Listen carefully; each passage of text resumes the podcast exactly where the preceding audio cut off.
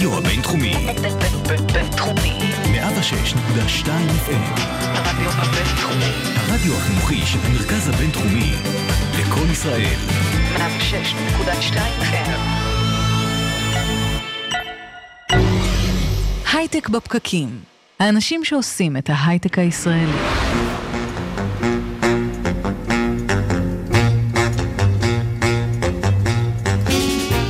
בוקר טוב, יום חמישי, 18 באפריל 2019, עוד מעט תצאו מפקקים לחירות, ועד אז, טוב שיש את הייטק בפקקים.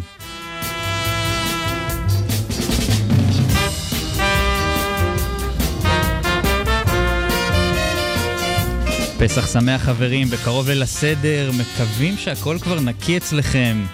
השבוע חוזר אלינו יזהר שי, חבר המערכת שלנו, ובקרוב גם חבר הכנסת שלנו, לדבר על פעולות הכנסת ה-21 והתאמתה למאה ה-21, ולמה לא פוליטיקה עכשיו?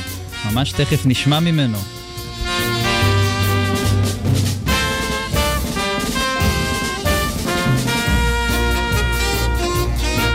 עוד נדבר על מה שקרה השבוע בהייטק, היו לנו כמה פריצות דרך חשובות, הגענו לחלל, הדפסנו לב, עוד על זה בהמשך. נשמע על תופעה מעניינת של חילופי עובדים בין חברות, כן, כן, שמעתם נכון.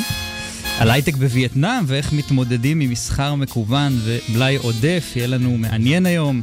אני אדר חי ואיתי באולפן אורטל הבר, אורי טולדנו, יזהר שי, בוקר טוב, חברים. בוקר אור. אהלן, בוקר טוב. אנחנו משדרים לכם ברדיו הבינתחומי, בפייסבוק לייב וכלכליסט, אצטדיון הסטארט-אפ, חפשו אותנו גם בסאונד קלאוד, ספוטיפיי, אייטיונס ובאפליקציות הפודקאסטים האחרות. פשוט תקלידו הייטק בפקקים, איפה שלא תרצו אנחנו מבטיחים להופיע. אתם מוזמנים לשלוח לנו שאלות, תגובות והערות בפייסבוק, אנחנו בשידור לייב רואים ועונים למה שתכתבו.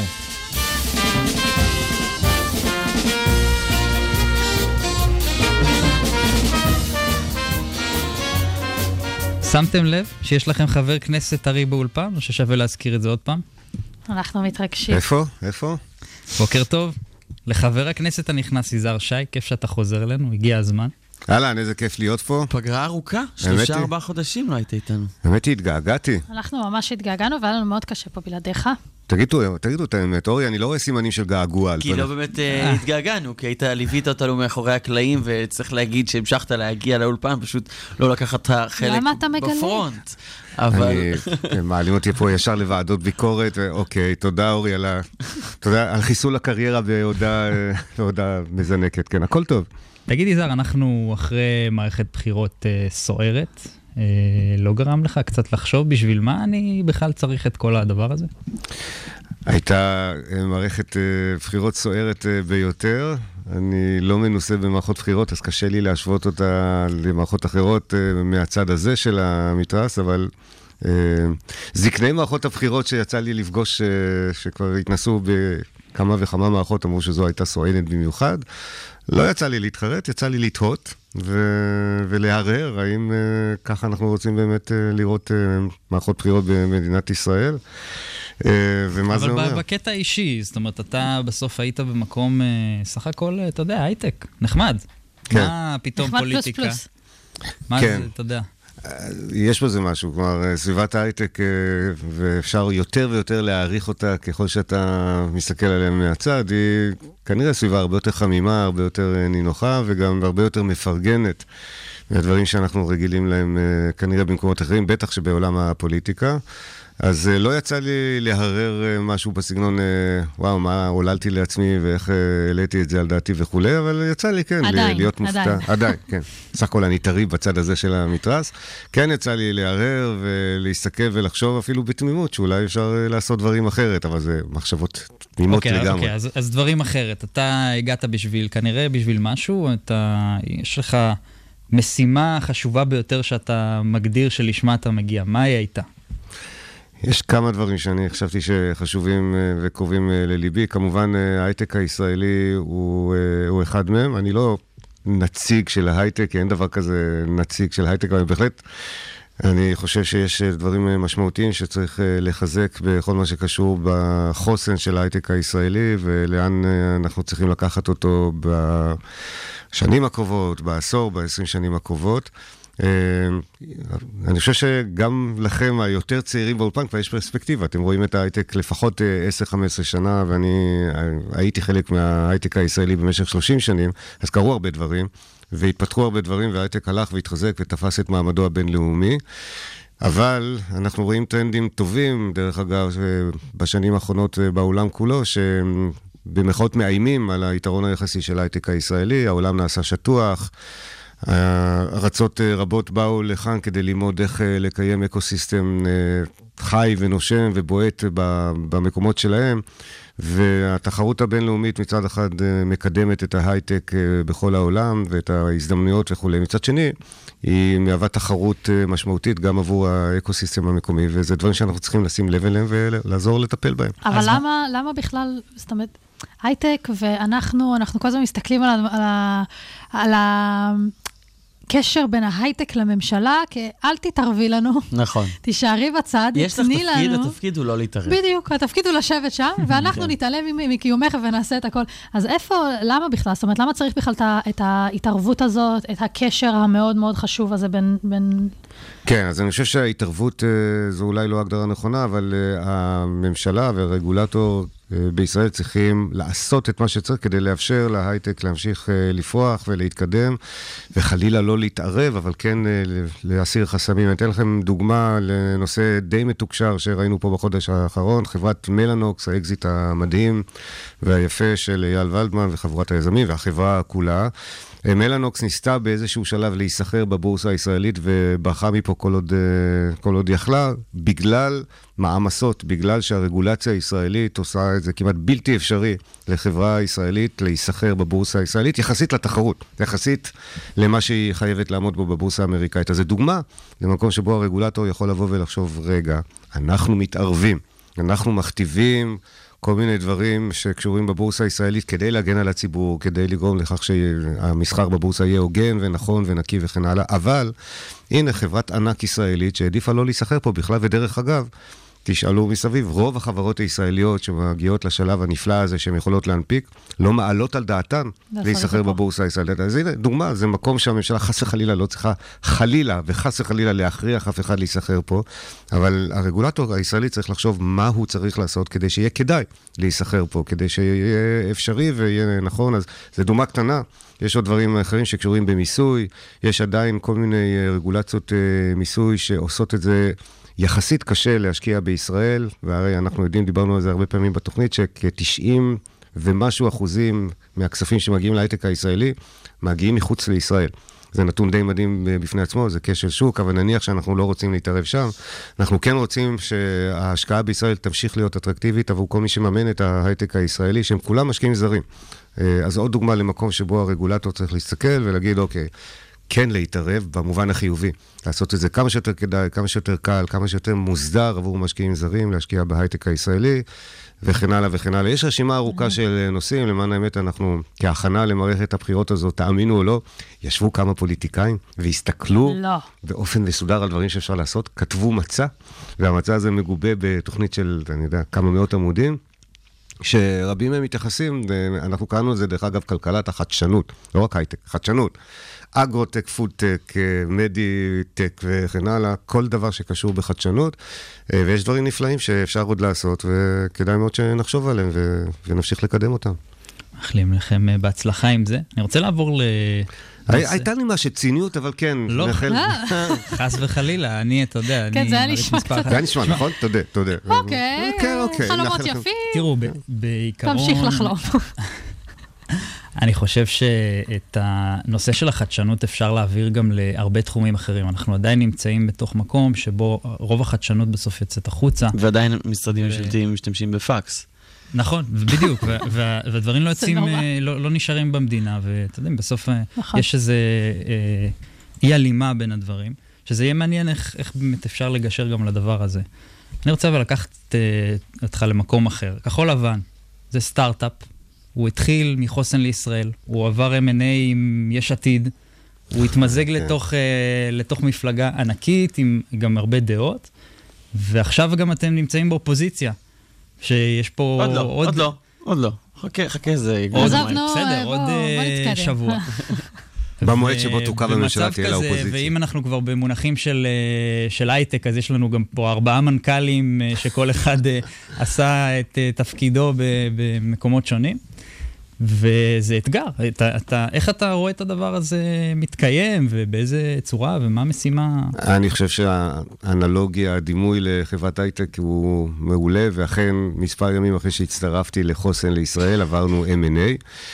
כלומר, מיזוג ורכישה, בעקבות ה-M&A הזה אנחנו גם דוללנו, אז גם המקום שלי ושל אחרים ברשימה השתנה בהתאם, ואכן, כמו שאומרים ליזמי הייטק, אם תעברו אה, M&A ודילול, עדיין העוגה תהיה גדולה יותר.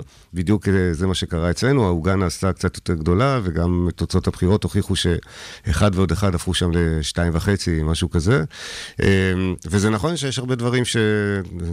מזכירים את העולם הזה. דרך אגב, אני חושב שבאותה הגבלה אנחנו עברנו עכשיו ראונד A או ראונד B. אם הסיד שלנו היה בזמן ההקמה, אז עכשיו עברנו סבב ראשון גדול ומוצלח של אה, גיוס.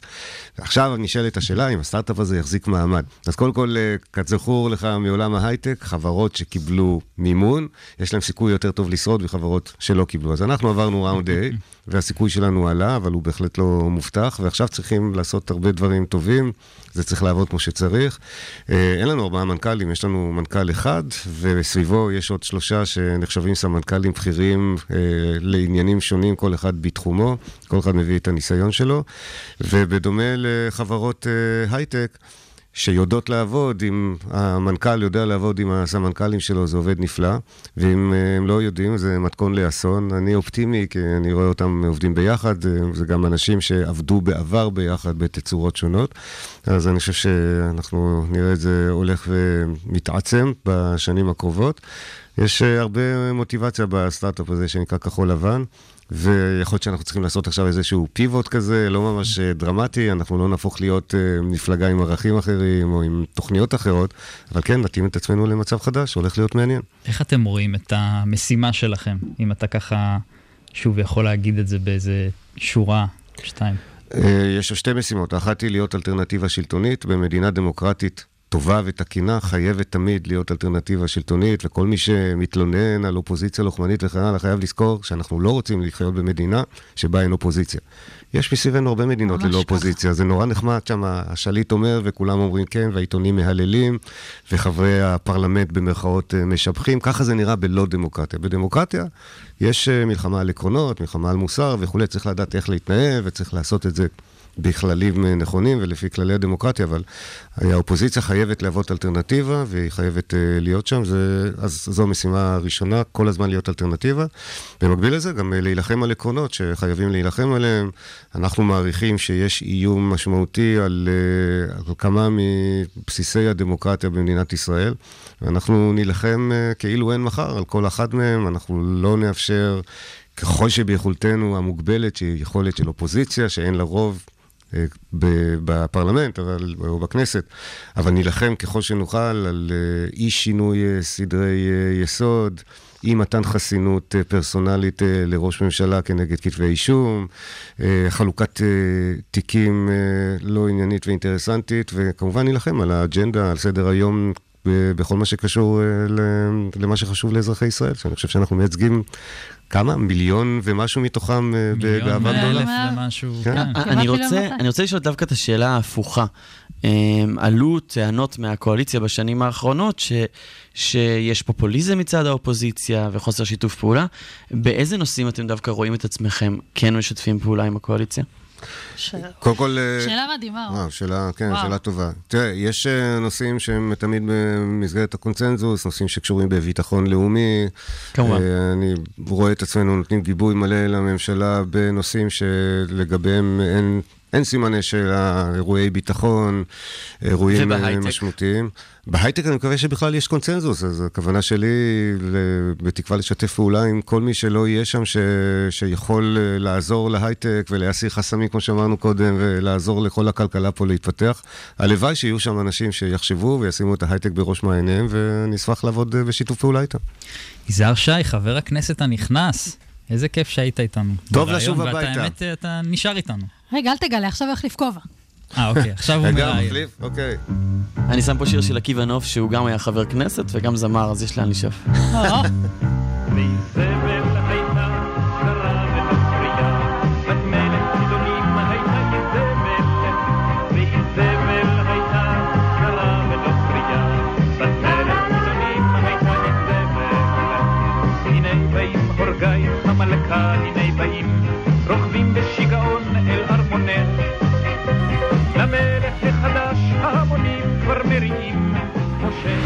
חדשות השבוע.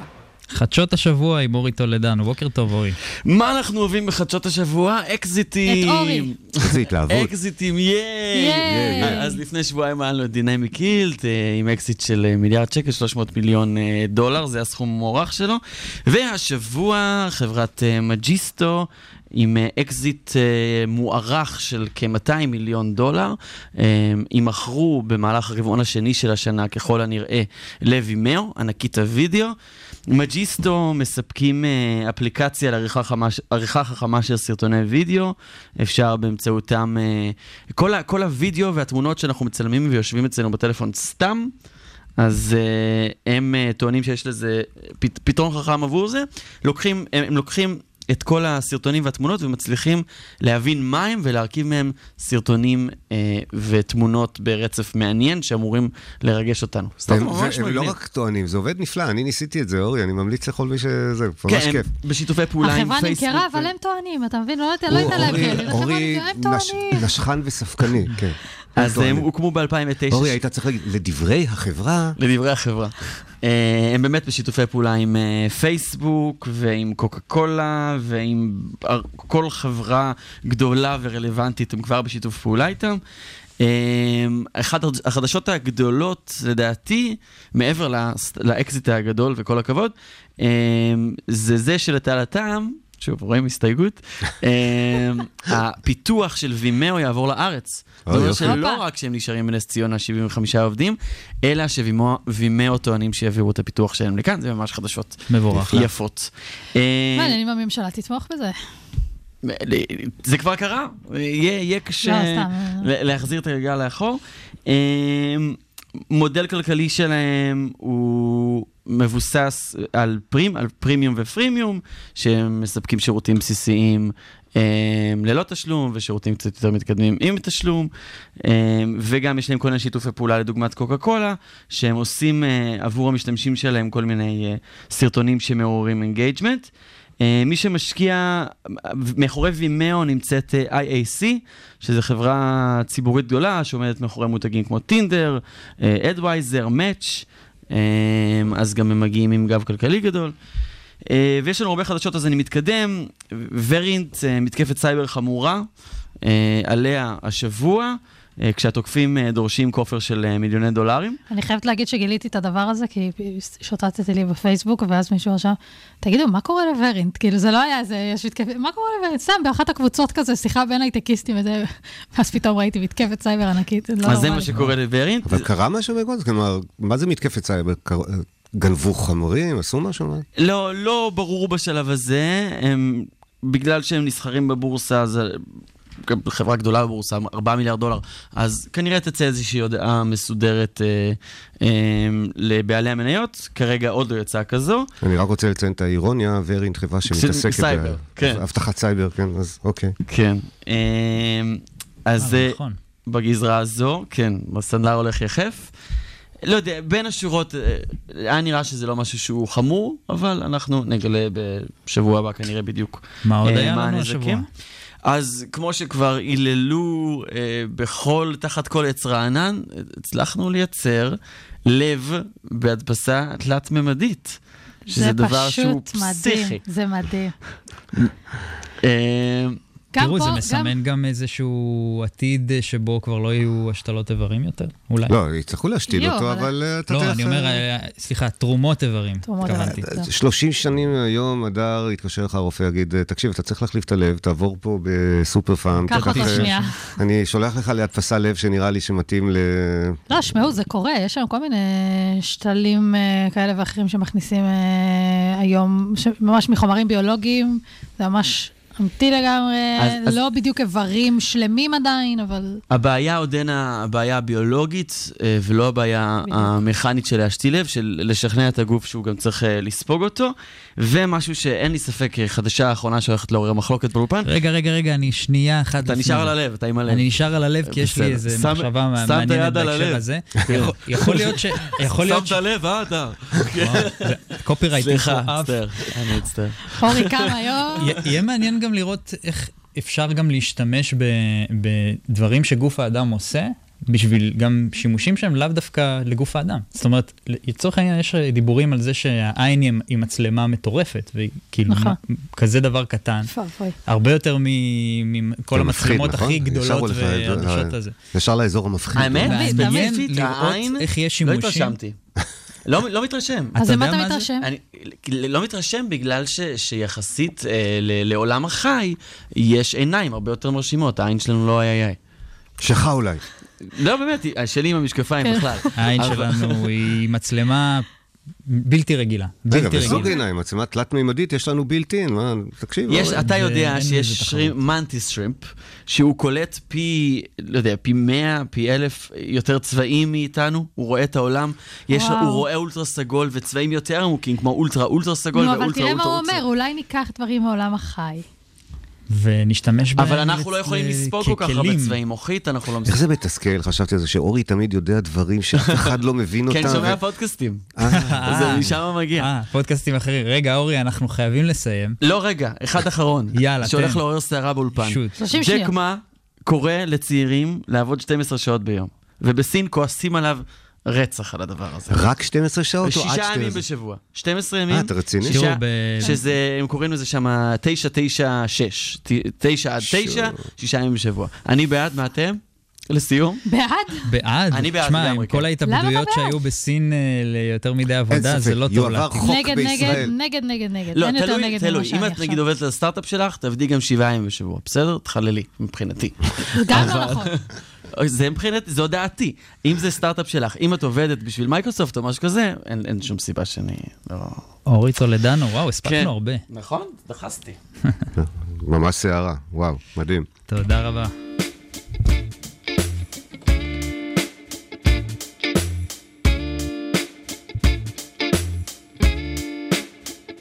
צר לי צ'רלי, שלא הגעתי, שהתעכבתי,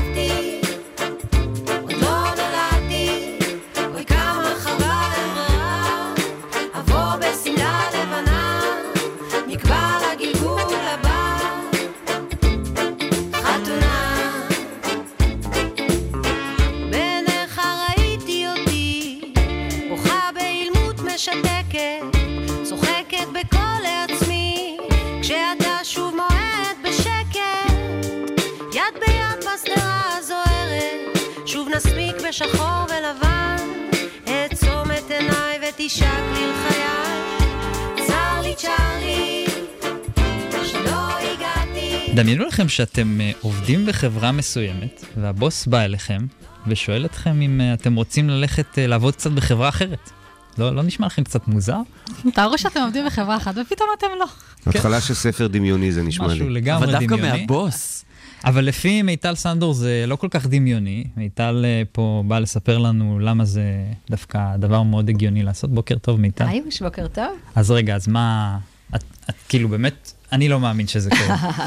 תצטרך להגיע אלינו בשביל לראות. רגע, בוא נתחיל מההתחלה, אבל מה, איזה שיטות, חילופי עובדים זו שיטה אה, שנועדה בעצם להעשיר את העובדים, ללמד אותם שיטות למידה. מה היום מקובל לעשות, ומה הבעיה עם זה בעצם?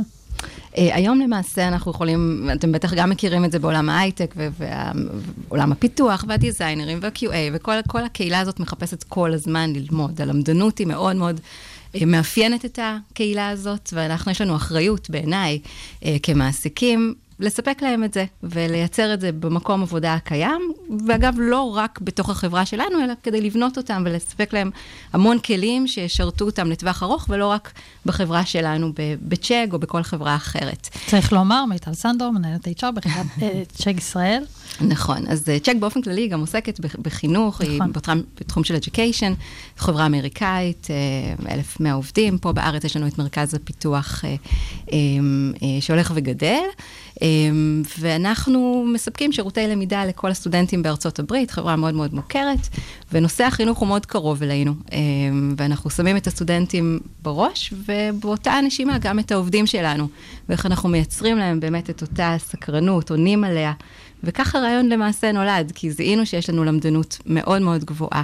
וזיהיתם שכנסים וכל הדברים, כל הש... אותן שיטות אה, לא עובדות, סבבה. אנשים באים וחוזרים, והיה כיף, ולא נכון. קרה עם זה שום דבר, ולא הטמיעו שום דבר, ו... כן, אוקיי, כן. אז מה זה בעצם אומר, מה עושים בחילוף עובדים? אה, אז חילוף עובדים, זה, זה נקרא, זה פרויקט שנקרא Brain Swaps, שאנחנו למעשה התחלנו אותו לפני כמעט שנתיים.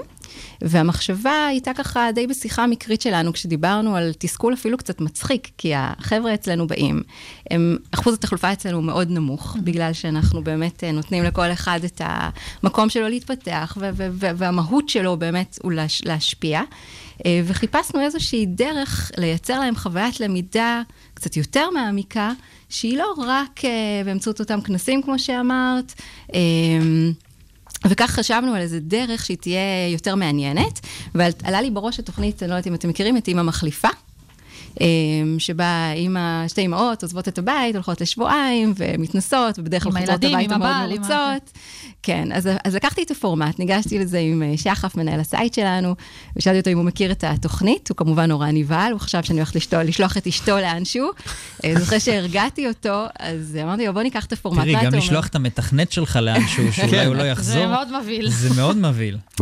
נכון, אז צריך להכיר אותנו ואת התפיסות שלנו כדי להבין שזה זה בכלל לא אישו. אנחנו עוד נדבר על, על, על okay. הדבר אוקיי. הזה, זה מאוד מאוד חשוב. אבל, ואז, ואז בעצם לוקחים, היום, היום אתם עושים את זה עם מתכנתים, אבל בעצם הכוונה היא לא, לא רק. רק. נכון. אתם לוקחים אותם ובעצם ממש כמו סיפוח לחברה אחרת, כשהעובד של החברה האחרת מגיע אליכם לתקופה של... של שבועיים. שבועיים. זה ממש החלפה, זה אפילו לא סיפוח, זאת אומרת, שני עובדים משתי חברות אה, מחליפות אה, תפקידים למשך שבועיים, כשמטרה שכל עובד שמגיע ומתארח, הוא בא בשני כובעים, גם כ...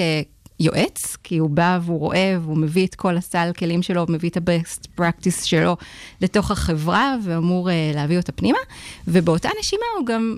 הוא גם לומד ולוקח לחברת האם שלו את כל התהליכים, המתודולוגיה, התרבות עבודה, אפילו מה יש להם קצת במגירות אה, חטיפים שלהם במטבח, וקצת מספר לנו מה היה שם המיוחד. ואחרי תהליך של שבועיים, כל עובד חוזר לחברת האם שלו, אחרי שבועיים נוספים אנחנו ממש עושים כמו רטרוספקטיב של כל מי שהיה שותף לתהליך, ולומדים את כל מה שהם עברו שם, הם בדרך כלל אגב גם כותבים ממש יומן מסע כזה, אה, ומתעדים כל מה שהיה, ומשתפים את כולם, וככה אנחנו בעצם מזהים איפה היו ה... החוסרים שלנו ואיפה עשינו דברים אה, שכנראה יש באמת דוגמאות ל, ל, לדברים שהוטמעו בחברה זו או אחרת בעקבות אותו מהלך שעשיתם? זאת אומרת, איזה שהן מתודולוגיות או שיטות עבודה אחרות ש, שכן הטמעתם? האימפקט היה משוגע, הוא mm-hmm. הפתיע גם אותנו. אה, בתהליך האחרון שעשינו עם חברת מאנדיי, אה, שהיא חברה ככה קצת משוגעת כמונו. מדהימה, חברה מדהימה נכון. לחלוטין. כן. נכון, והיא באמת קפצה על ה... על ההזדמנות הזאת ואמרה, יאללה, מתי מתחילים? ועשינו החלפה של שני מפתחים, ואנחנו פשוט נדהמנו מה, מהמתודולוגיית עבודה שאצלם, שהיא חברה קצת יותר גדולה מאיתנו, אה, כמה אנחנו יכולים לקחת מהם, באיפה בכלל לזה שאין להם QA, ואצלנו יש צוות QA נפרד, ועשינו המון תהליכים בהקשר אז הזה. אז איך זה הולך? החבר'ה חוזרים נניח ממאנדי ויושבים איתם ואומרים, זה מה שלמדנו, אלה ה-best practices, ובואו ננסה להטמיע, ככה זה עובד. כן, הם, הם כבר במהלך התהליך, במשך השבועיים הם מתעדים את כל מה שקורה, ואנחנו כל הזמן מדברים את זה. ואחר כך עשינו ממש תהליך משותף של כל מי שהיה שותף, המנהלי פיתוח, המוחלפים עצמם, הסוואפיז, ה-HR, ולמדנו דרכם מתוך... כל מיני דוגמאות שהם נתנו לנו מהיום-יום, במה היינו מאוד שונים. ככה למדנו, למשל, אם ניתן את הדוגמה הכי פשוטה, שרודיק, המוחלף שלנו שהגיע ל monday, עשה ככה את המשימות שלו, ובאיזה שלב הוא סיים, הוא ניגש לדניאל, מנהל הפיתוח, והוא אמר לו, טוב, סיימתי, מה עכשיו? ודניאל אמר לו, אתה צריך להגיד לי מה עכשיו. והדבר הזה פתאום הפיל לנו אסימונים מדהימים ש, של איפה ה ownership של המפתח. אנחנו היינו בטוחים שאנחנו, המפתחים שלנו לגמרי רצים קדימה, ואז מקסים. אנחנו למעשה, כן, מקסים. עשינו את השינוי הזה של roles and responsibilities אצלנו בארגון. אבל מעניין אותי, בעולם שבו חברות כל כך נאבקות על הטאלנט, ואפילו נכון. גונבות אחד מהשני mm-hmm. טאלנטים, אין סיכון כזה שבאה חברה והיא קצת יותר מגניבה וקצת יותר תרבות שלה טובה, והיא במילא תמיד, mm-hmm. החברות האלה מחפשות לגייס כל הזמן הון אנושי נכון. טוב. אז מה הסיכון שבן אדם יבוא ויגיד, וואלה, אני, כיף לי פה, סבבה לי, התאהבתי באנשים. לא חוזר. לא חוזר, את מבינה? זה לא, לא כל כך דומה לאימא בהקשר הזה, שהיא את הילדים שלה לא מחליפה כל כך מהר. בדור ה-Y אה, אנחנו רואים הרבה תחלופה. נכון, אבל אנחנו עדיין לא הורים, וגם כאימא אני יכולה להגיד שהייתי שמחה שהילדים שלי יהיו מאושרים איפה שהם יבחרו להיות, ואני רוצה להאמין שהם לא יבחרו משפחה אחרת, אבל אנחנו לא משפחה באמת של אף אחד. אבל מקום עבודה, בדיוק, זה נכון, קצת שונה. נכון, והתפיסות שלנו שאפשרו לנו בכלל לצאת לפרויקט, הפרויקט הזה, זה, זה, זה מערכת יחסים פתוחה עם העובדים. יש לנו טראסט מאוד מאוד גבוה עם האנשים שלנו. אנחנו רוצים שהם יבחרו בנו כל יום מחדש. זה, זה, עם זה אנחנו קמים בבוקר, עם זה אנחנו רוצים שהם יקומו בבוקר. ואם, ואם אנחנו נעזור להם, לדייק להם את התפקיד הבא, כי הם הבינו שמקום אחר מתאים להם יותר טוב, אחלה, עשינו את שלנו. אנחנו ממש ממש בסדר עם זה, וגם המפתחים שלנו יודעים, ובכלל העובדים. הדוגמה הכי טובה לטראסט שאני יכולה לתת לכם, זה שאין לנו מקרים שבהם עובד בא ומניח לנו מכתב על השולחן ואומר תודה רבה על העבודה, יש לי הזדמנות מדהימה ואני ממשיך בדרכי. זה לא שהם לא עוזבים אותנו, הם פשוט משתפים אותנו בתהליך, ואנחנו, אה, הם יודעים שהם יקבלו את העצה הכי טובה עבורם בהקשר הזה. אה, וכשהמערכת יחסים כזו, אז, אז קל לך לצאת לתהליך הזה ובאמת אה, לייצר חדשנות. מילה ככה לקראת סיום על, על לאן, איפה עתיד העבודה, ברמה, זה, זה קצת קלישאתי, אבל באיזה צורות עבודה את רואה אנשים אה, אה, בעצם עובדים, והאם זה טוב לנו? אמ, את מתכוונת למודל של עבודה? למודלים של עבודה שהם שונים, אפרופו חילופי עובדים. אולי לדייק את זה, אולי בעתיד העובד יעבוד, וסביבו ינועו כל מיני חברות שצורכות את שירותיו, והוא ייתן מדי פעם למאנדי, מדי פעם לכם, נכון. מדי פעם למישהו אחר. מישהו הרבה תוכנה, שזה תחזית מעניינת. בתוכנה של אדם מזכיר את כן. שירותיו. כן, אני שואל, אני לא- נכון? אני לא אומר, אני רק שואל. אנחנו לגמרי חווים את זה, אנחנו, אני חושבת שגם רואים את זה כבר בארצות הברית, גם אחוז הפרילנסרים שיוצאים כדי לממש את זה, כי החברות לא מאפשרות את זה, הולך ועולה. גם בארץ אנחנו כבר חווים את זה, והיום זה מאוד נפוץ שיש מדריך יוגה שהוא גם דיזיינר, או גם QA, ואנחנו מעודדים את זה, אנחנו מאפשרים לעשות את השילובים האלה. ו- ואני חושבת שזו ההתחלה, בלחשוף אותם, בלאפשר להם לצאת, לבחון, ללמוד, ותחשבו כמה השפעה יש לעובד כזה כשהוא מגיע לארגון והוא יודע שהוא ישפיע על המתודולוגיות ועל. התרבות. מיטל סנדור, מנהלת HR תודה אה, רבה. צ'ג. תודה רבה שהיית איתנו. היה כיף. בוקר טוב, חג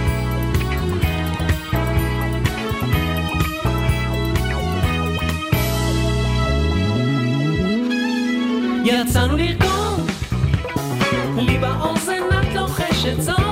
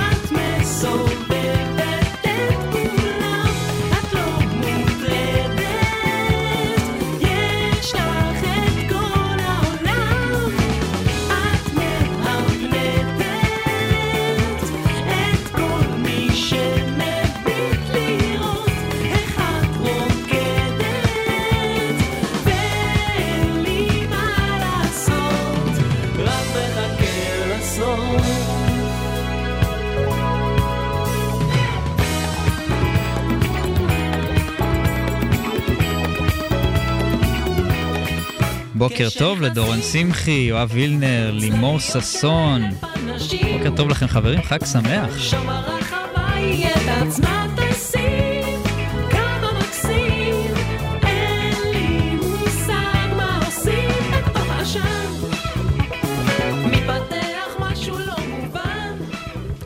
אה, אז היום אנחנו שמחים לארח באולפן את אה, יניב טסל, הנספח המסחרי שלנו בשגרירות ישראל בווייטנאם. בוקר טוב.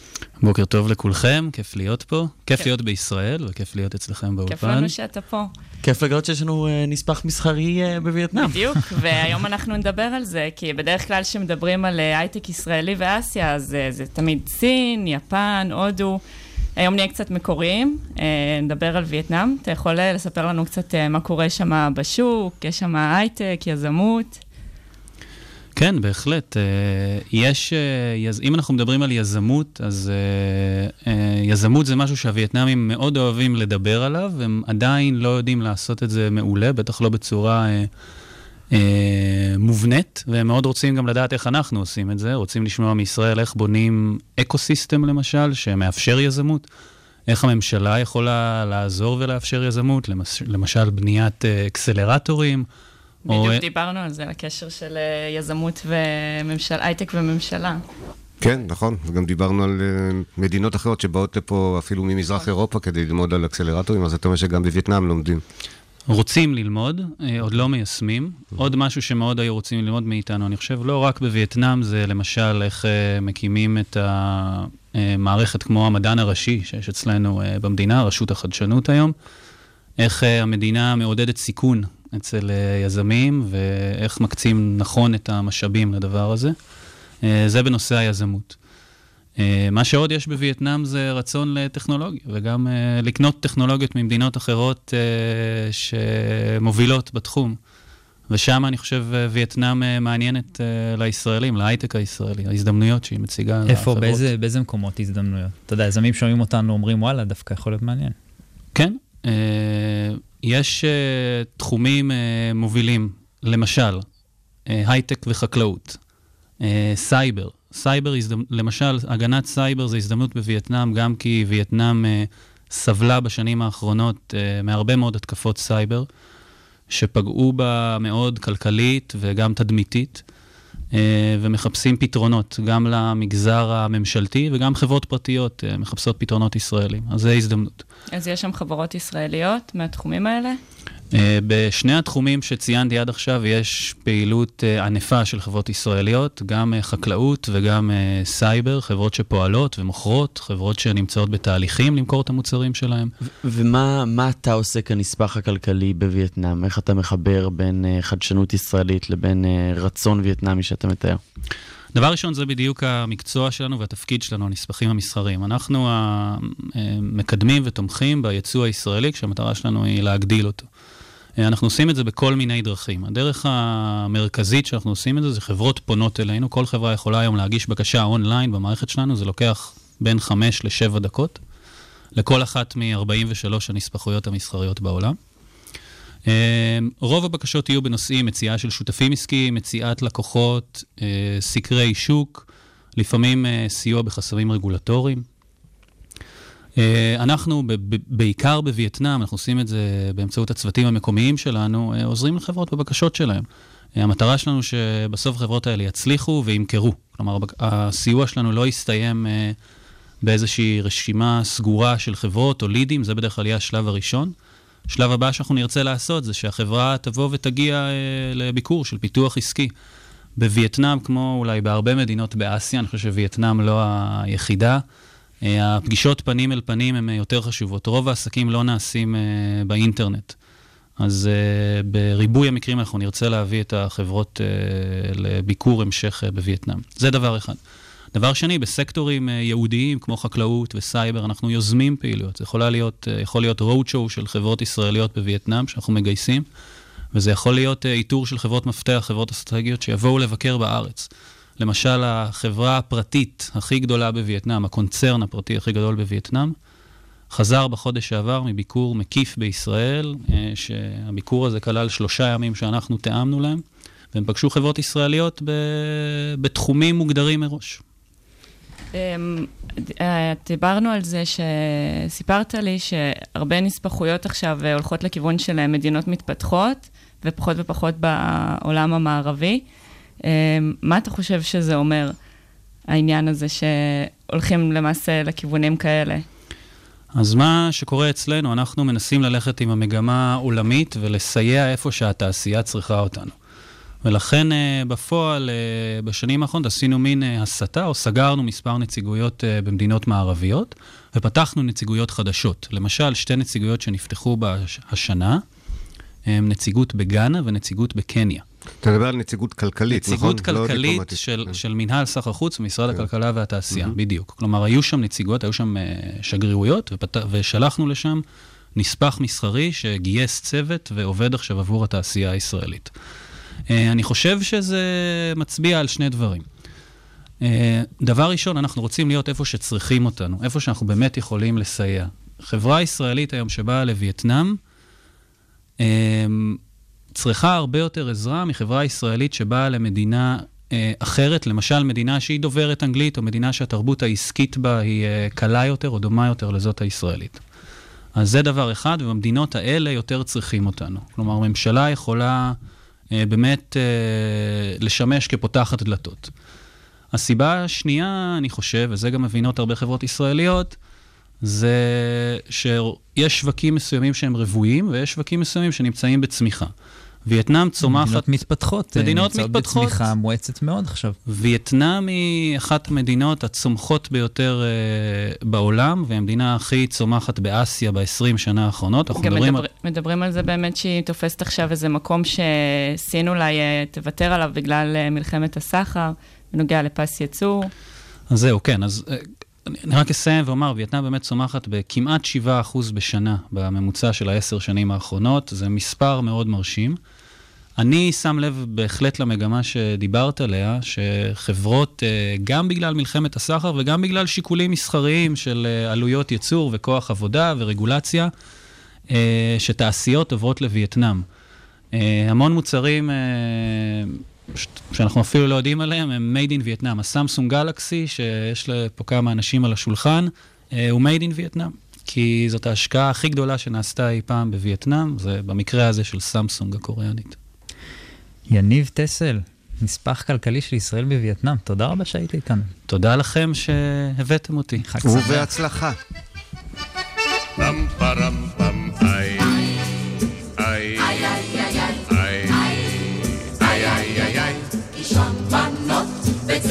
Chansons, couvre-t-il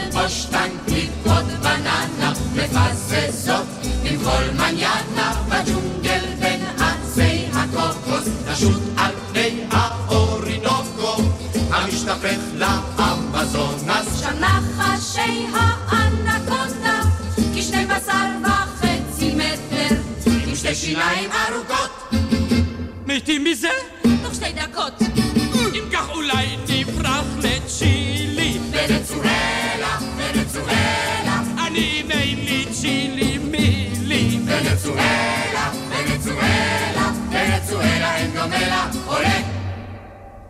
פם פרם פם איי, איי, איי, איי, איי, איי, איי, שכן בחינות אוניברסיטה, והן דקן של הפקולטה, ושם נראה כל יום דורידה, עם דון חוסה, אלפונסו שולחן. סטארט-אפ בפקקים סטארט-אפ בפקקים היום הוא עם הדר אלגופיקס. עם הדר חי. כולם קונים מדי פעם באינטרנט, אה, העולם של ה e-commerce הוא כר פורה לצמיחה של סטארט-אפים רבים, כולנו מכירים. אה, והיום אנחנו מדברים על אה, בעיה נפוצה בעולם הזה, שהיא בעיית ה, מה שנקרא המלאי המת.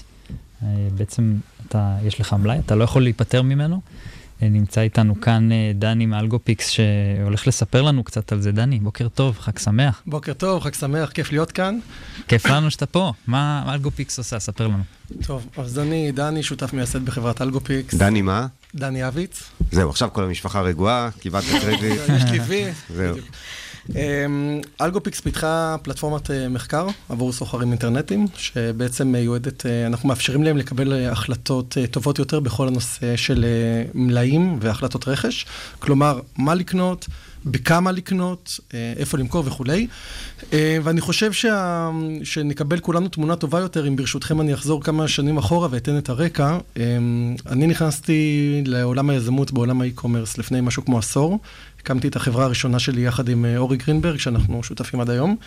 ועבדנו עם יבואנים ויצרנים ישראלים ובכל העולם פחות או יותר, סליחה, ופיתחנו, סיפקנו להם פתרון A to Z, כלומר, החל ממחקר שוק, דרך אה, marketing ו optimization, וכלה בכל ה after sale, שזה אה, לוגיסטיקה, שירות לקוחות, payment solutions, ו...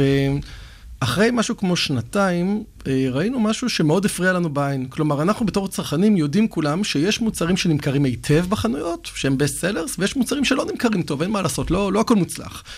אבל uh, יש הבדל בין ההבנה הזאת כצרכן לבין הידיעה וה... וה, וה בתור בעל עסק, שאתה רואה את זה. ואז שאתה בעצם פותח את המספרים ואת הספרים ואת את כל גיליונות האקסל, אתה רואה תמונה עגומה של מלאי שאתה לא מצליח למכור, ששווה הרבה מאוד כסף. כן, שווה, שווה לציין רגע את המתיחות גם בין הדברים. יש מוצרים שהם קצת יותר אה, אה, אומנם אה, פחות נמכרים, אבל הם יותר נישה, ואז אתה יכול למכור, להשתלט יותר נתח שוק. מצד שני, יש מוצרים שהם, אה, יש תחרות מאוד גדולה עליהם, אז איפה אתה, תמיד אתה צריך למצוא את עצמך בתוך המתח הזה, ולפעמים אתה צריך למצוא את, אלה, את המוצרים שהם גם כאלה וגם כאלה, והם כן נמכרים. אתה חייב, קוראים לזה לוס לידרים, ובעצם אתה, זה תמהיל בדיוק, זה בלנס בין מוצרים שנמכרים הרבה עם אה, מתח רווחים נמוך, מרג'ן נמוך, לבין מוצרים שנמכרים מעט עם מרג'ן גבוה. וראינו שבעצם המספרים עומדים על משהו כמו 20 אחוז. עכשיו תחשבו 20% רגע, מה? זה המון. 20 אחוז מלאי מת. כן. עכשיו, תחשוב רגע, אני לוקח את זה לכל אחד שמאזין לנו, תחשוב שאתה עושה את הקניות לבית שלך, ו-20 אחוז מהאוכל שאתה קונה, אתה אפילו לא פותח, אתה פשוט זורק לפח. זה המון כסף. אה, והכסף הזה בעצם, מי מממן את המלאי במספרים גדולים? זה בנקים, זה הוצאות מימון. זה אובדן הזדמנויות אלטרנטיביות של רכישה של מוצרים טובים, ונכנס פה גם אלמנט מאוד גדול של כלכלה התנהגותית. כלומר, קניתי משהו והוא לא נמכר, מה, אני פראייר? במיוחד אנחנו הישראלים. בוא נושיב מישהו, אתה תמכור את זה. ואז נכנס מטה... זה- ואז עוד יותר נזק לעסק, כי אתה לא מוכר את הדברים שנמכרים, אלא אתה מנסה למכור את אלה שלא. חבל על הזמן. ואז בעצם באנו לאחד הלקוחות הגדולים שלנו בזמנו, ובאנו אליו עם הצעה. אנחנו אה, נאפשר לך לעשות אה, אנליזה בחינם להצעת רכש הבאה שיש לך, אה, ותגיד לנו אם זה עובד או לא. אה, אחרי כמה שבועות הם באו, הביאו לנו הצעת אה, רכש, עשינו אנ- אנליזה, חזרו אלינו אחרי חודשיים ואמרו לנו, תגידו, כמה השירות הזה עולה? כזה, אנחנו בנונשלנטיות שואלים, למה? אומרים, כי הורדתם לנו את המלאי האמת מ-20% ל-7%. מדהים. ואז התחלנו למכור בין היתר את המוצר הזה. עשינו מחקרי שוק שלנו, ראינו ש-20% זה לא רק בישראל וזה לא רק ב vertical הזה, זה בכל העולם. אה, מוערך במאות מיליוני דולרים, ובעצם החלטנו, אה, מכרנו את החברה והחלטנו להקים את אלגופיקס. זאת אומרת, ללכת מעולם של שירות לעולם של אה, סטארט-אפ. יפה. בדיוק, וזה היה, המ- המעבר היה לא פשוט, בלשון המעטה. תגיד, אז באלגופיקס אתם fix או pix? אה, pix. אז באלגופיקס אתם אה, עובדים רק מול חברה בודדת, או עלה הרעיון פעם לשתף את המלאי המת הזה ולנסות לפזר אותו בין חנויות שונות, ואז אה, להעלות את המכירתיות? נכון, אז בעצם, קודם כל באלגופיקס, אז אם אני, אני חוזר לאלגופיקס, אנחנו בשלב, אנחנו בעצם סיימנו את הסיבוב seed, ואנחנו מתכוננים ומסתכלים לקראת ה-A-round, אנחנו, יש לנו משרדים בפתח תקווה ובפאלו אלטו. אה, שם אנחנו נהנים גם מתמיכה של UpWest Labs, שהם אחד המשקיעים שלנו, וגם של אה, אייקון. כאן, מאוד. כאן ברשותכם אני רוצה ככה כמה שניות על אייקון, כי אני יודע שיש הרבה מאוד אה, יזמים שמאזינים לנו. אייקון זה ארגון ללא מטרת רווח. על ידי- אירחנו אותו פעם, כן. כן, אז על ידי יסמין, הם עושים עבודה מדהימה, ב, בעצם מסייעים ליזמים ישראלים אה, להיכנס ל, אה, לעולם היזמות האמריקאי, ובעצם הסשנים והקהילה התומכת זה משהו שאין לו... איזה כיף, תראה, יזם שמציג את החברה שלו ונותן קרדיט לאנשים שעוזרים לו לקדם את החברה, מדהים. ככה צריך להיות. וזה היה רמז, אנחנו מצפים שתדבר על הייטק בפרקים מהיום. ואילך בכל מקום תהיה. ברור, אז uh, חזרה לאלגופיקס, בעצם uh, אנחנו, על ידי כך שאנחנו יודעים לתת snapshot אמיתי של תמונת המצב היום ב-16 שווקים שפרוסים על פני שמונה מדינות, יש לנו כמה use cases. אז ה-use case הראשון הוא, אתה מקבל הצעת רכש מאחד הספקים שלך, אנחנו נגיד לך בדיוק מה לקנות, איפה כדאי לך למכור, בכמה, מי, מה התחרות שלך, מי התחרות שלך, מה uh, ההוצאות הצפויות לך בדרך, החל מלוגיסטיקה, מיסים מכסים וכאלה בהוצאות uh, של עמלות הסליקה והזירה, וככה שאתה יכול בעצם לתכנן טוב יותר את uh, הרכש שלך. מכיוון שאנחנו פרוסים על גבי uh, שמונה מדינות, uh, אנחנו גם יודעים לת- לתת פתרון של התרחבות בינלאומית, מה שנקרא International Expansion. זאת אומרת, ממש מנהלים את ה... מה קורה בשווקים אל מול מה אתה מוכר, ואיפה הכי נכון לך, כדי שכמה שפחות מלאי יישאר בסוף. בדיוק, ונקודה אחרונה שאני חושב שמאוד חשוב לגעת בה, זה נושא ההזדמנויות. אם פעם בשביל להיכנס לשוק מס- מסוים, או לבחון אה, מוצר מסוים, היית צריכה להשקיע הרבה זמן וכסף ומחקר, היום בעצם ה e-commerce הפך את העולם לשטוח, אתה יכול לראות כמעט כל אה, נקודה בכל מקום, והשימוש בכלים או פלטפורמות כמו אלגופיקס לדוגמה, מאפשר גם לשחקנים קטנים לזהות הזדמנויות מהר, וגם לחברות גדולות אה, לעשות הימורים אה, מושכלים בצורה אה, פשוטה, ולכן אנחנו באמת משרתים את כל ה vertical הזה. תגיד, יכול להיות ששתי חברות שונות ינסו למכור אותו מוצר על פי המלצה שלכם, ואחת מאוד תצליח והשנייה לא, מסיבות שלא קשורות בשוק עצמו, אלא מיכולת השיווק שלהם, מה... מההתאמה שלהם לסוג מסוים של מוצר. אתם לוקחים את זה בחשבון בהמלצות שלכם? לגמרי, אה, בסוף העול- העולם ה e-commerce הוא, ה pricing זה נושא מאוד חשוב, אבל זה לא רק pricing, מדובר על אה, מוניטין ועל הביטחון שאנחנו נותנים אה, לקונה. הדרך שבה אנחנו מפרסמים בזירות מסוימות זה הימים והשעות בהם אנחנו מעלים את המוצר, וה-keywords כמובן. זה תורה שלמה. אבל, ויש הרבה מאוד אה, אה, מחשבה של אחר כך, אבל אנחנו בשלב הראשוני של בוא, שיהיה לך משהו לעבוד איתו. תמיד, אתה יודע, איש מכירות תמיד אומר, אני, אני טוב עד כמה שהמוצר טוב, מאוד קשה למכור קרח להסכמות, כאילו, בסקייל. אה, ואנחנו בעצם מאפשרים לאותם אה, שחקנים לבחור... אה, בעצם לקחת את ההון, את ה capital שלהם, להשקיע אותו בסחורה הנכונה ולראות את תמונת השוק המלאה, ולפתוח את כל ההזדמנויות האלה בפניהם. דני אביץ, שותף מייסד באלגופיקס, תודה רבה שהיית איתנו, בהצלחה לכם בגיוס וב... ממש. תודה לכם וחג בדרך. שמח. חג שמח.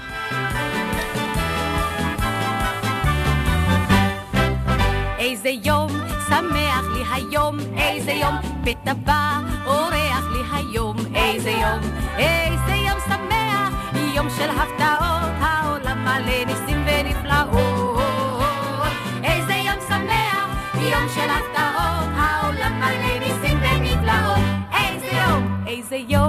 שמח לי היום, איזה יום, השדה פורח לי היום, איזה יום, איזה יום שמח, יום של הפתעות, העולם מלא ניסים ונפלאות. איזה יום שמח, יום של הפתעות, העולם מלא ניסים ונפלאות. איזה יום, איזה יום שמח לי היום, איזה יום שוקולד בולע כל היום, איזה יום,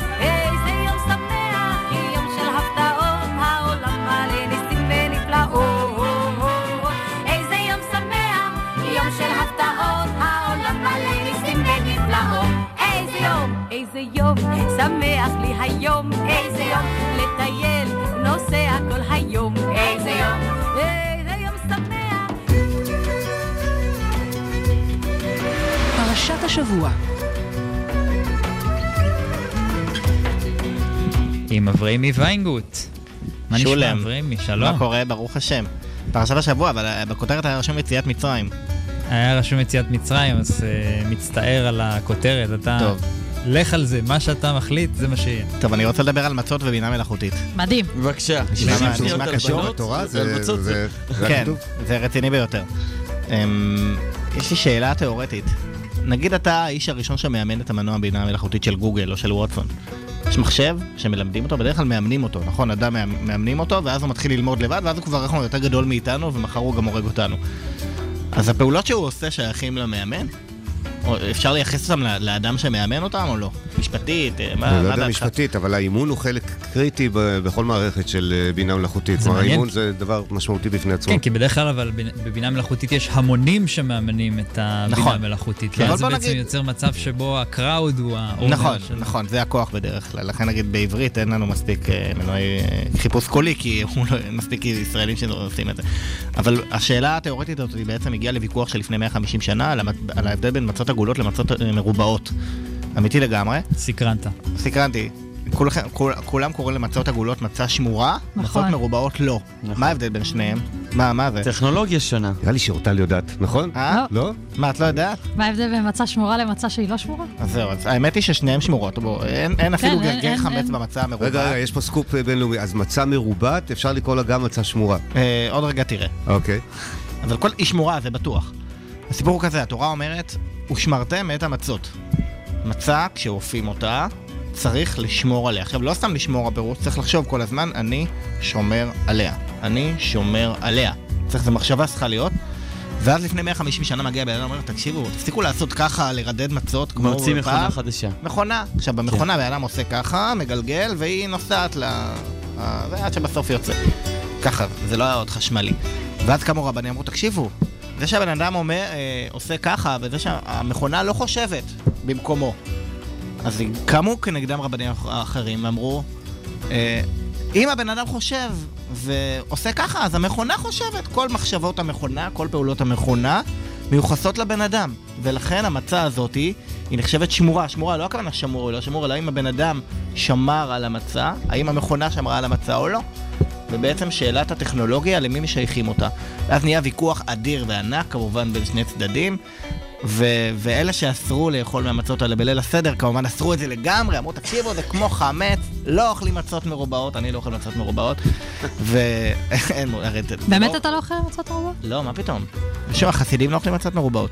עכשיו, זה לא באמת איסור הלכתי, כי הרי כל הנושא של שמור לא שמור, זה רק לליל הסדר. זה לא איזשהו מתח כלכלי מלפני איזשהו כמה מאות שנים, ש... יש כאלה שאמרו שאחד הרבנים, הרבי ניצן, אמר, תקשיבו מה יהיה, ניתן ברחמנות על כל ה... על כל אלה שיאבדו את העבודה שלהם מזה שיש מצות מכונה, ולכן אמר, יאללה, בוא נמציא תירותים הלכתיים כדי לד- לדחות. אבל ה... ה- ה- נשמע כמו רגולציה. אה, רגולציה, כן. כן, בדיוק ככה, כן. אז, אה, אבל, אבל רוב ה... אבל באמת היו שם פולמוסים אדירים על הנושא הזה, האם מכונה יכולה לחשוב במקום, במקום הבן אדם? זה היה הפולמוסים, ספרים שלמים, עד היום עוד יוצאים קונטרסים וחוברות, נגד, בעד, נגד, בעד, וזהו. אז אה, מה עוד אנחנו... אז עכשיו אני מנסה לחשוב איזה מצות אני צריך אה, לארגן לליל הסדר. בתור הייטקיסט? בתור הייטקיסט זה... לא, תשמע, מצות עגולות הן יותר יקרות, והן פחות שיטתיות כאלה, וצריך... אה, אבל מצד שני הן הרבה יותר מרשימות. אז אה, מה, מה אצלכם? כאלה, טעימות. אצלכם אה, עגולות כן. או מרובעות בליל הסדר? מה? שמורה, יש לנו עגולות. בליל בליל הסדר עגולות. עגולות. כן. שמורות? לא, אבל רק, אתה יודע, שלוש, אתה שם זה וחוצה את האמצעית וזה, ואז את. השאר אתה... אוכל מרובעות. אבל כן. מה ההשוואה? זה בכלל לא אותו טעם. זה נכון, זה לא אותו טעם בכלל. מה זה? זה כמו זה לא מלח. אותו טעם. אבל זה כאילו, אתה יודע. ליל הסדר חגיגי וזה, אוכלים מהשמורות. ואחרי זה זה הפושטי, אתה יודע, אתה אוכל את ה... מהקופסה, מהקופסה הזאת של ה... כן. לא- אחרי זה אתה לא אוכל מצות בכלל, זה מי אוכל מצות היום כבר. רגע, אז מה המסקנה לגבי. אה, מכונה או לא מכונה? מי- מסקנה מי- שהוויכוח נמשך עד היום בין הסוציאליסטים לקפיטליסטים. רגע, המצות העגולות שאתם קונים, ו- ויש המונים כאלה, אז מה, הן נעשות ביד אדם שזה? ביד אדם, לא רק זה, אחת של? החיטים ביד אדם. אחת אחת, כל אחת אחת. אחת, ממש ככה אתם רוצים כמה זה עולה? אתה. יודע כמה זה עולה? כמה זה עולה? קילו עולה. בין 160 ל-200 שקל. וואו, זה יקר. שמעת? אה. אלא אם כן נתקעים מסטוק, אז מוכרים את זה ב-70 שקל קילו, אבל גם... אחרי הפסח, יש מחירי הוזלה. מי שרוצה מוזמן אליי, אני... אני... אגיע לכם מצות. יאללה, כל. מערכת הייטק בפקקים. ותשלמו כמובן, כי אני לא יכול אה, נו, לספק? לכולם אה, 200 שקל קילו. בסדר גמור. וואו. כן. וואו. תודה אברימי. חג שמח שיהיה לך. שיהיה חג כשר ושמח לכל עם ישראל. אמן. הלוואי. שהאימון שלנו, את המכונות, תמיד יביא דברים טובים. מצות, או, או, או מחשבים טובים, או רובוטים טובים. וזהו. טוב, חברים, אנחנו ככה לקראת סיום. מה יש לכם אה, לאחל אה, לעם ישראל לחג? לעם ישראל הייטקיסטים שעומדים בפקקים? שתמיד תהיה לנו את זכות הבחירה. וואו. איך, לקחת לי את המילים, אז אני רק ארחיב אותם ברשותך, בסדר? איזה באסה, חשבתי כל הדרך אם הדר שואל שאלה לפסח, אני אומר משהו על זכות הבחירה, ואורטל ככה בנונשלנטיות. פעם אחרונה שאני נותן לך לדבר לפניי. כן, היית צריך לקחת את זה ראשון, אם היית כל כך... אה, לא, אז אני חושב שזכות הבחירה היא באמת, אנחנו כולנו יוצאים עכשיו ממערכת בחירות, אבל אם אנחנו מדברים על חג הפסח, אה, זה חג החופש והחירות, אז אני חושב שזה החי- החירות כמובן לחשוב וליצור, והחירות אה, לחיות את החיים שלנו, ו- ובעיקר החירות לבחור, אני חושב שהיא חירות מדהימה. לא רק לבחור בבחירות, אלא לבחור מה אנחנו רוצים לעשות, ואיך אנחנו רוצים לחיות, ואיך אנחנו רוצים להתייחס לאחרים, ואיך אנחנו רוצים...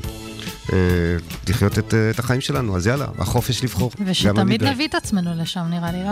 לחירות הזאת אני יכול לספר מה. יוסי סלע כתב לך אתמול? כן, זה נחמד, זה היה. יוסי סלע מג'מיני, האגדי, כתב לי יזהר, חג שמח לך יזהר שיצאת מחירות לעבדות. כתוב, לא שר- לא לא מלכות אני נותן, אלא שררה אני נותן. לא שררה אני נותן, אלא לראשונה עבדות אני מאחלים נותן. לך באמת הצלחה בעבדות. תודה. רבה. אני לא חושב שזה עבדות, אבל... לא, הרגנו אותו היום, הבן אדם כן. רצה, ציפה לקבלת פנים, אה, אני רק מצטט פה, אני לא אמרתי שזה... כן, רק הוא, מה- לא, מהבוקר. הוא מצטט לך אה, למה אתה פה? למה עשית את זה? אה, שנייה אחרונה של רצינות, אני מבטיח, אני חושב שזה טוב שנבחרי ציבור יהיו מודעים לזה שהם באו לעבוד עבור מי ששלח אותם, לא עבור שום סיבה אחרת. כן, לא לא לחופש, מה? לא שררה אני נותן, אלא לעבדות. ככה יש משפט כזה. לא ש- שרה אני נותן, אלא? אני לא נוטה, לא לוקח על עצמי שררה, וואלה, אלא כן, עבדות. אלא עבדות. אה, ככה. יפה מאוד, יפה מאוד. משפט חשוב. ומה אתה לוקח לפסח? אני, בהמשך למה שאמרתם, אני חושב שיש אה, הרבה הערכה בזמנים כאלה של חשיבה שאוקיי, אתה יכול לעשות מה שאתה רוצה. זה משהו גדול. זאת אומרת, אתה יכול ללכת לאן שאתה רוצה ולהחליט. מה שאתה רוצה ולעשות מה שאתה רוצה. זה גם כל כך נדיר. זה לא משהו שהוא, אנחנו מסתכלים על זה כאילו כמובן מאליו, אבל זה נדיר גם בעולם של היום. אז אה, כיף, כיף גדול, והערכה גדולה, אורי? שהייתם חברים. אני, את האמת, יש לי מסר מאוד פרקטי, שזה לעזור לאימא עם ההכנות לחג. אה, יפה. כי, היא קורעת, היא קורעת את עצמה כבר כמה ימים, ו, וגם להישאר אחר כך לשטוף כלים, לא יודעת מה. זה מזכיר לי את המסר צודק של... לגמרי, אה, צודק, עד הסוף, כן. מזכיר לי את. המסר של ריבלין להתקשר לסבא וסבתא, לאחל להם חג שמח. בטח, בטח. אני עוזר לאשתי כבר כמה ימים עם הברגז ברק, רז ברקס, אני כל היום נוסע עם הילדים. חברים, חג שמח.